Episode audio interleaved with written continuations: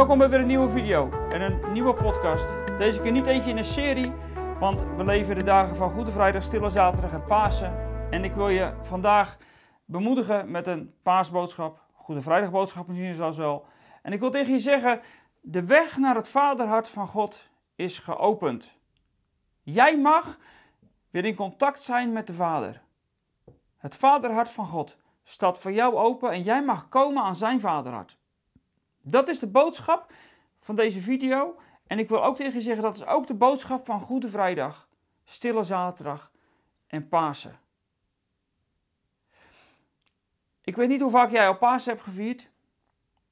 Bij mij is het de 47ste keer. Dan weet je gelijk hoe oud ik ben.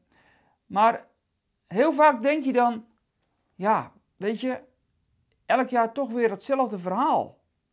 Het is maar de vraag of dat, dat zo is. Of elk jaar die, dat verhaal hetzelfde moet zijn. Of dat je deze keer ook weer een keer iets nieuws mag leren. En dat hoop ik. En ik denk het wel. Nou, we gaan er vandaag over nadenken.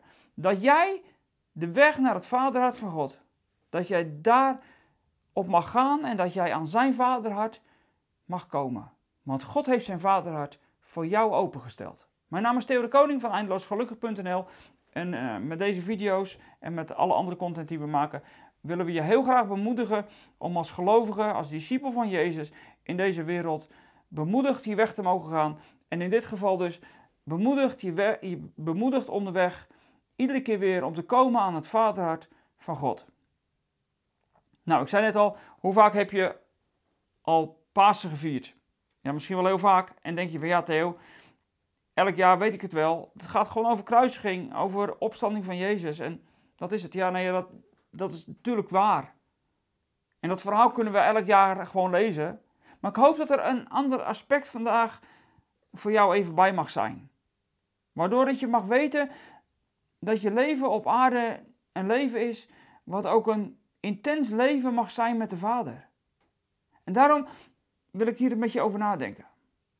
En dan kan je de vraag stellen: ja, waar gaat het nou met Goede Vrijdag en met Stille Zaterdag en met Pasen over? En misschien zeg je, ja Theo, dat is toch logisch? Dat gaat over dat onze zonden vergeven worden en dat, het, dat de dood wordt overwonnen. En natuurlijk, dan zeg ik amen. Helemaal waar. Tuurlijk, want door wat er op Golgotha gebeurt, zijn zonden vergeven. En doordat Jezus is opgestaan op de paasmorgen, is de dood uiteindelijk overwonnen. En is het leven een feit. Heerlijk om dat te weten.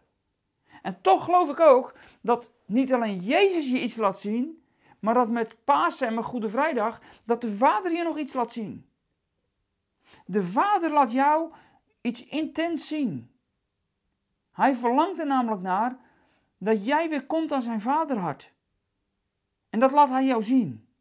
Nou, we zullen eerst een klein stukje met elkaar lezen uit de eh, Lucas 23 vanaf vers 44. Lucas 23 vanaf vers 44. Een gedeelte wat heel erg belangrijk is en waar we even bij stil zullen staan. Dat is stap 1 naar het vaderhart. En dan heb ik straks ook nog stap 2 voor je. Dus eerst stap 1 naar het vaderhart en dan straks stap 2 ook nog. Want ik denk dat er twee dingen nodig zijn om uiteindelijk echt naar het vaderhart van God toe te mogen. En te mogen, te kunnen. Laat ik het zo zeggen. En dat is wat Jezus uiteindelijk heeft volbracht. Laten we eerst met elkaar Lucas 23 lezen. Vanaf vers 44. Rond het middaguur hangt Jezus aan het kruis. Rond het middaguur werd het donker in het hele land, doordat de zon verduisterde. De duisternis hield drie uur aan en toen scheurde het voorhangsel van de tempel doormidden. En Jezus riep met luide stem: Vader, in uw handen leg ik mijn geest. En toen hij dat gezegd had, blies hij de laatste adem uit en de centurio zag alles wat er gebeurd was en hij loofde God met de woorden: Werkelijk, deze mens was rechtvaardige. De mensen die voor het schouwspel samengekomen waren en de gebeurtenissen hadden gadegeslagen, keerden terug naar huis terwijl dat ze zich van verdriet op hun borst sloegen. En alle mensen die Jezus gekend hadden, waren op een afstand blijven staan. Ook de vrouwen en die hem vanuit Galilea gevolgd waren en alles hadden zien gebeuren. Pasen. Ik bedoel, nee, dat is het nog niet. Goede Vrijdag. Want ook dat wordt altijd door elkaar gehaald. Wat gebeurt er met Pasen? Stierf Jezus? Nee, Jezus stierf op Goede Vrijdag, want op Pasen stond hij op. En je zult straks weten hoe intens belangrijk dat het is om terug te komen bij het vaderhart van God. En wat is er gebeurd? Nou, als je even terugkijkt, dan uh, natuurlijk gaat het over vergeving van zonde. En dat, dat zie je eigenlijk een beetje terug in wat er gebeurt op de Palmzondag. Daar komt Jezus de stad binnen. En hoe komt hij de stad binnen? Op een ezel, dat weten we ook wel. Dat is een profetie van Zacharia 9 vers 9. Dat, dat Jezus als Messias de stad binnenkomt. Maar dat doet hij op de tiende Nisan. De dag waarin Exodus, in Exodus staat opgeschreven dat het de dag is dat het paaslam voor grote verzoendag moest worden uitgekozen. Dus op het moment, de dag dat het paaslam voor het paasgaan moest worden uitgezocht en moest, moest worden gekozen, op dat moment komt Jezus binnen. Het paaslam met een hoofdletter komt de stad binnen. Nou, dat gebeurt daar vooraf. Maar hier in het geschiedenis wat we lezen, hangt hij dan aan het kruis en sterft hij. En wat gebeurt er aan het kruis? Aan het kruis doet hij eigenlijk wat er moet gebeuren. Daar verzoent hij met God.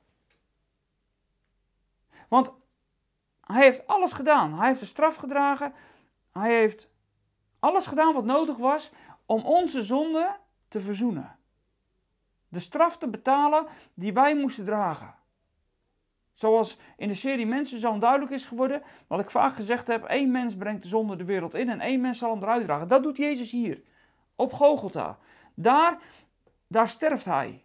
Daar wordt het paaslam, wat zichzelf aanbiedt op de keuzedag voor het paaslam, dat, dat kiest er hiervoor om te sterven. En dat sterven van Jezus gaat heel snel.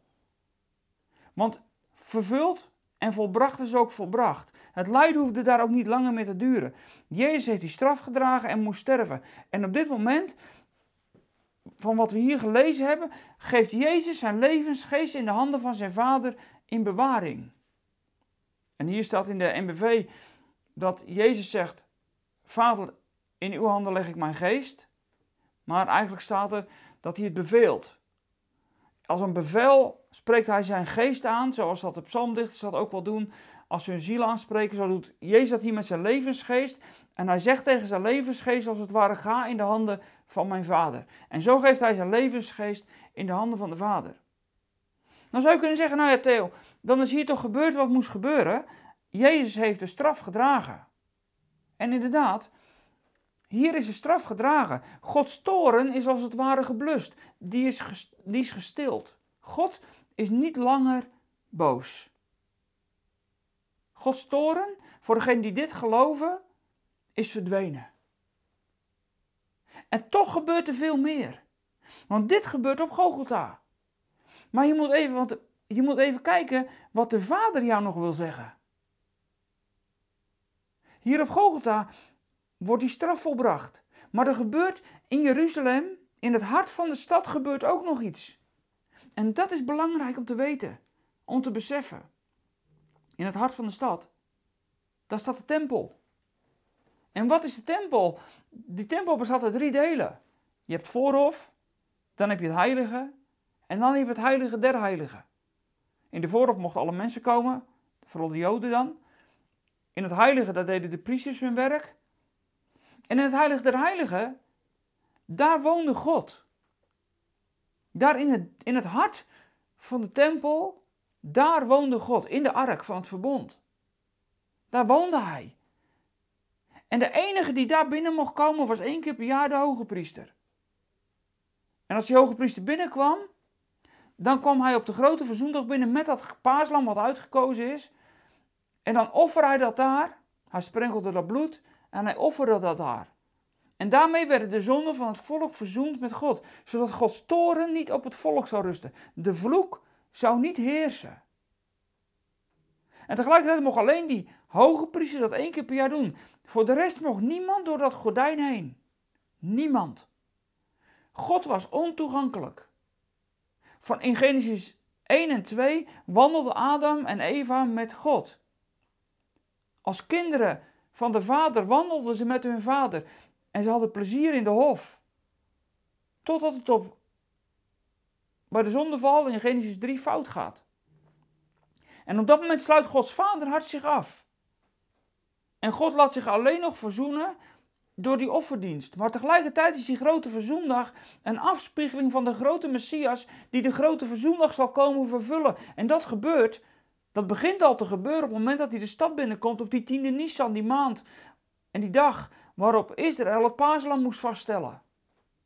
Daar begint het al. Eigenlijk heel zijn leven, maar daar specifiek. En dan komt hij de stad binnen, het paaslam, voor de grote verzoendag, om dat uiteindelijk te vervullen. Niet om grote verzoendag te doen wat er moet gebeuren, maar om die grote verzoendag, die daar symbool voor staat voor de Messias die zal komen, hij gaat het vervullen. Hij zorgt dat de Vader verzoend wordt met het volk. En wat is nou het antwoord van de Vader? Daar in de tempel. Weet je, daar in de tempel geeft de Vader antwoord op het werk wat Jezus deed. Het werk van de grote hoge priester, die tegelijkertijd het grote paaslam is. Op het moment dat dat volbracht is en hij legt zijn leven af in de handen van zijn vader, dan pakt de vader het voorhangsel van het heilige der heiligen als het ware van bovenaf beet en hij scheurt het van bovenaf open. Want op het moment dat Jezus zijn leven aflegt, scheurt het voorhangsel. En in de MBV staat het er niet, maar er staat in het Grieks, het voorhangsel scheurt van boven naar beneden. Dat is natuurlijk onzin, dat kan helemaal niet, normaal. Een gordijn wat ophangt, scheur je van beneden naar boven. Nooit van boven naar beneden, dat kan niet. Dat zou raar zijn. Als je dat van boven naar beneden zou scheuren. Want dan zit de rail en dan zitten de ogen of de ringen, net hoe die hangt. Dat zit allemaal in de weg. Dat kun je helemaal niet trekken. Daar heb je geen kracht voor. Daar zit geen ruimte genoeg op. Dus als wij een gordijn scheuren, scheuren wij het van beneden naar boven als het ophangt. Maar hier scheurt de vader het gordijn open. De vader zegt als antwoord op het offer van Jezus: Ik scheur mijn hart open. Mijn vaderhart staat weer helemaal open voor degenen die in mijn zoon geloven. Weet je, de vader heeft zijn vaderhart weer helemaal opengesteld voor jou. Jij mag weer komen tot aan zijn vaderhart. Hij sluit jou weer aan zijn hart. En hij opent de weg weer.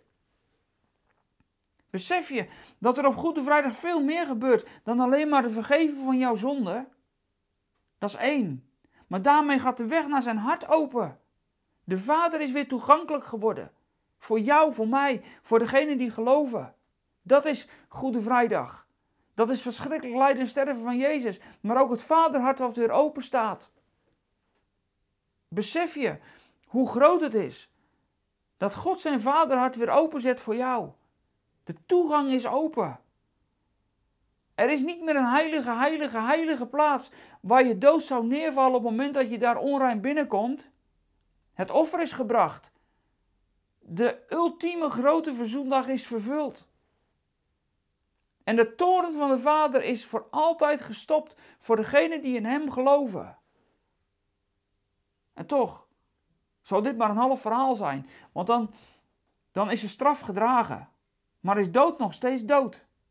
Dan gaan wij straks het graf in en dan stopt alles. Dan is het enige voordeel wat je hebt is dat God niet eeuwig met een oordeel zal komen. Maar dan zou dood dood zijn.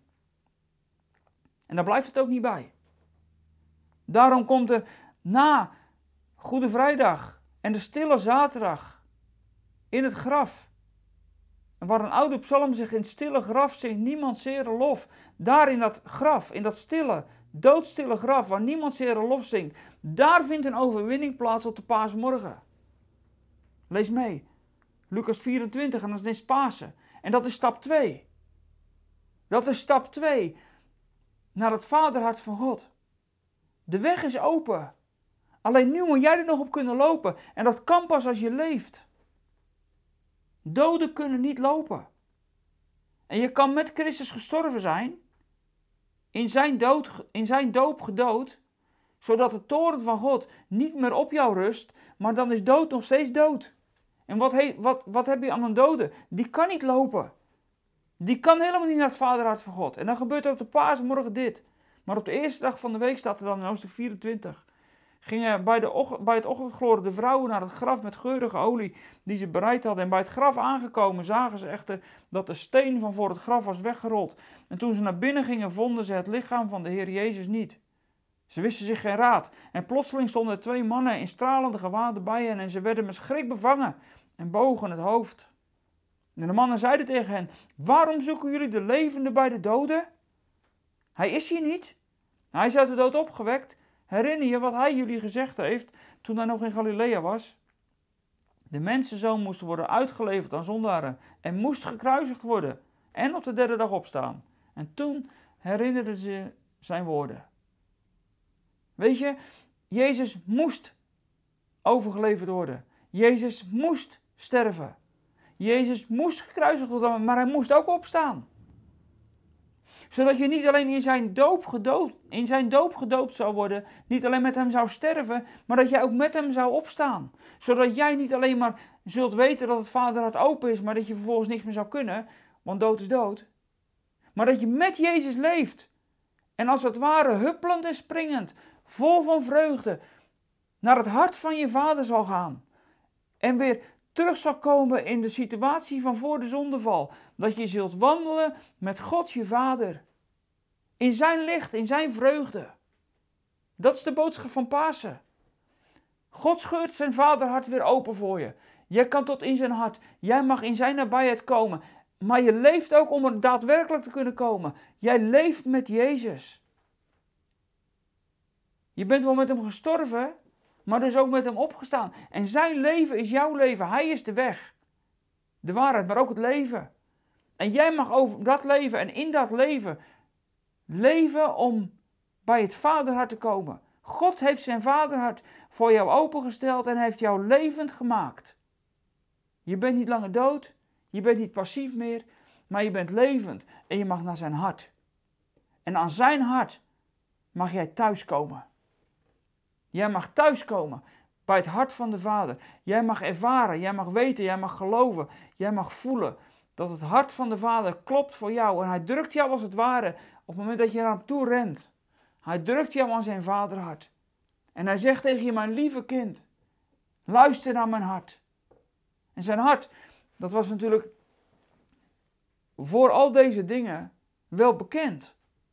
God heeft zijn vaderhart altijd wel uitgesproken. In de Torah was dat heel duidelijk. De tien woorden van God, die zijn eigenlijk de vertolking van zijn vaderhart. Als we daarna zouden leven, zouden we een paradijs op aarde hebben. Dat is Gods grootste verlangen. Dat jij wandelt in zijn tegenwoordigheid, in zijn vreugde en in zijn wil. Dat is een grote verlangen, zodat je als het ware in het paradijs zou leven. En die weg heeft God geopend. Waar Jezus op, op de heuvel van Gogota zei: In uw handen beveel ik mijn geest. Daar heeft de vader een paar kilometer verder, daar in de tempel, het gordijn opengescheurd. Naar zijn hart, naar zijn diepste wezen. Hij houdt niks meer verborgen, hij heeft niets meer verstopt. Alles ligt open. En hij wekt jou tot leven, zodat je ook tot hem mag komen.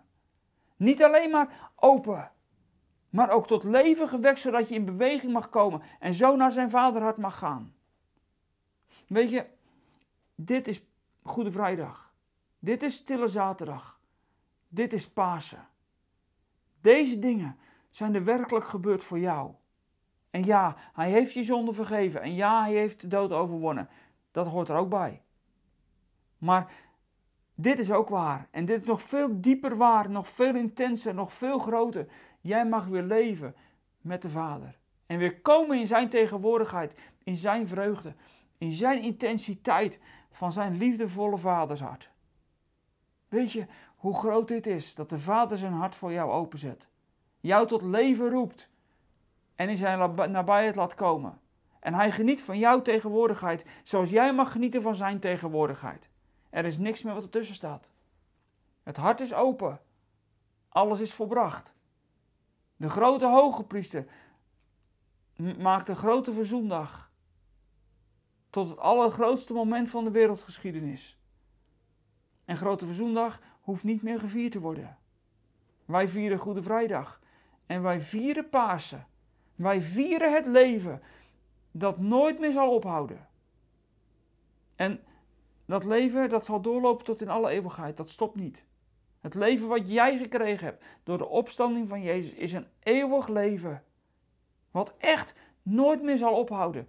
En wat, wat strakjes volledig zal zijn, is nu al helemaal begonnen. Je leeft nu al helemaal in dat nieuwe leven met Hem. Ik wens jou toe dat de paasdagen van dit jaar dagen zullen zijn dat je de intense liefde van het Vaderhart zult ervaren. Kom tot rust aan zijn hart.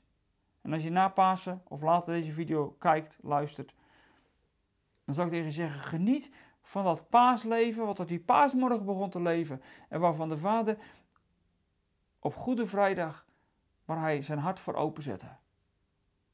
En zo zullen wij leven aan zijn hart. En zullen wij de vreugde ervaren van zijn liefdevolle vaderhart. En dat wens ik je toe, dat bemoedig ik je mee. En ik zou ook tegen je zeggen, als je mensen in je omgeving hebt die deze bemoediging nodig hebben, deel deze video, deel de link, stuur hem door. Doe wat ermee moet gebeuren, maar laat deze boodschap horen in jouw omgeving. Zodat dit als een olievlek de wereld in mag. Dankjewel voor het kijken voor dit moment. Fijn dat je erbij was. Fijn dat je meedoet. Reageer rustig in de comments als je dat wil. Als je op YouTube hebt gekeken, geef even een blauw duimpje dat je me waardeert. Dat vinden we fijn. Dat is altijd weer handig voor de zoekmachine van, uh, van Google. En daarnaast, als je ons financieel wil steunen, dat zouden we heel fijn vinden. Wil je er ook gewoon eens een keer over nadenken als je dat nog niet doet. En degene die het wel doen, die wil ik ook echt gewoon bedanken van... Dankjewel dat je elke maand geeft. Die zijn er echt en dat worden er gelukkig steeds wat meer. We zijn er zo dankbaar voor. En we zijn echt soms heel verrast ja, wat er gewoon gegeven wordt. Dus we zijn je echt dankbaar. Dat wil ik ook echt tegen je zeggen. Dankjewel dat je geeft. En degene die eenmalig geeft, natuurlijk ook ongelooflijk bedankt. En degene die elke maand uh, geven, dat zorgt ook gewoon voor een stukje stabiliteit bij ons. Dus daar zijn we gewoon ook gewoon heel dankbaar voor en heel blij voor. Nou, dankjewel voor nu. En ik zou zeggen, geniet van de dagen van Pasen, de dagen van het leven, de dagen van het Vaderhart van God. En ik zou zeggen, tot volgende week.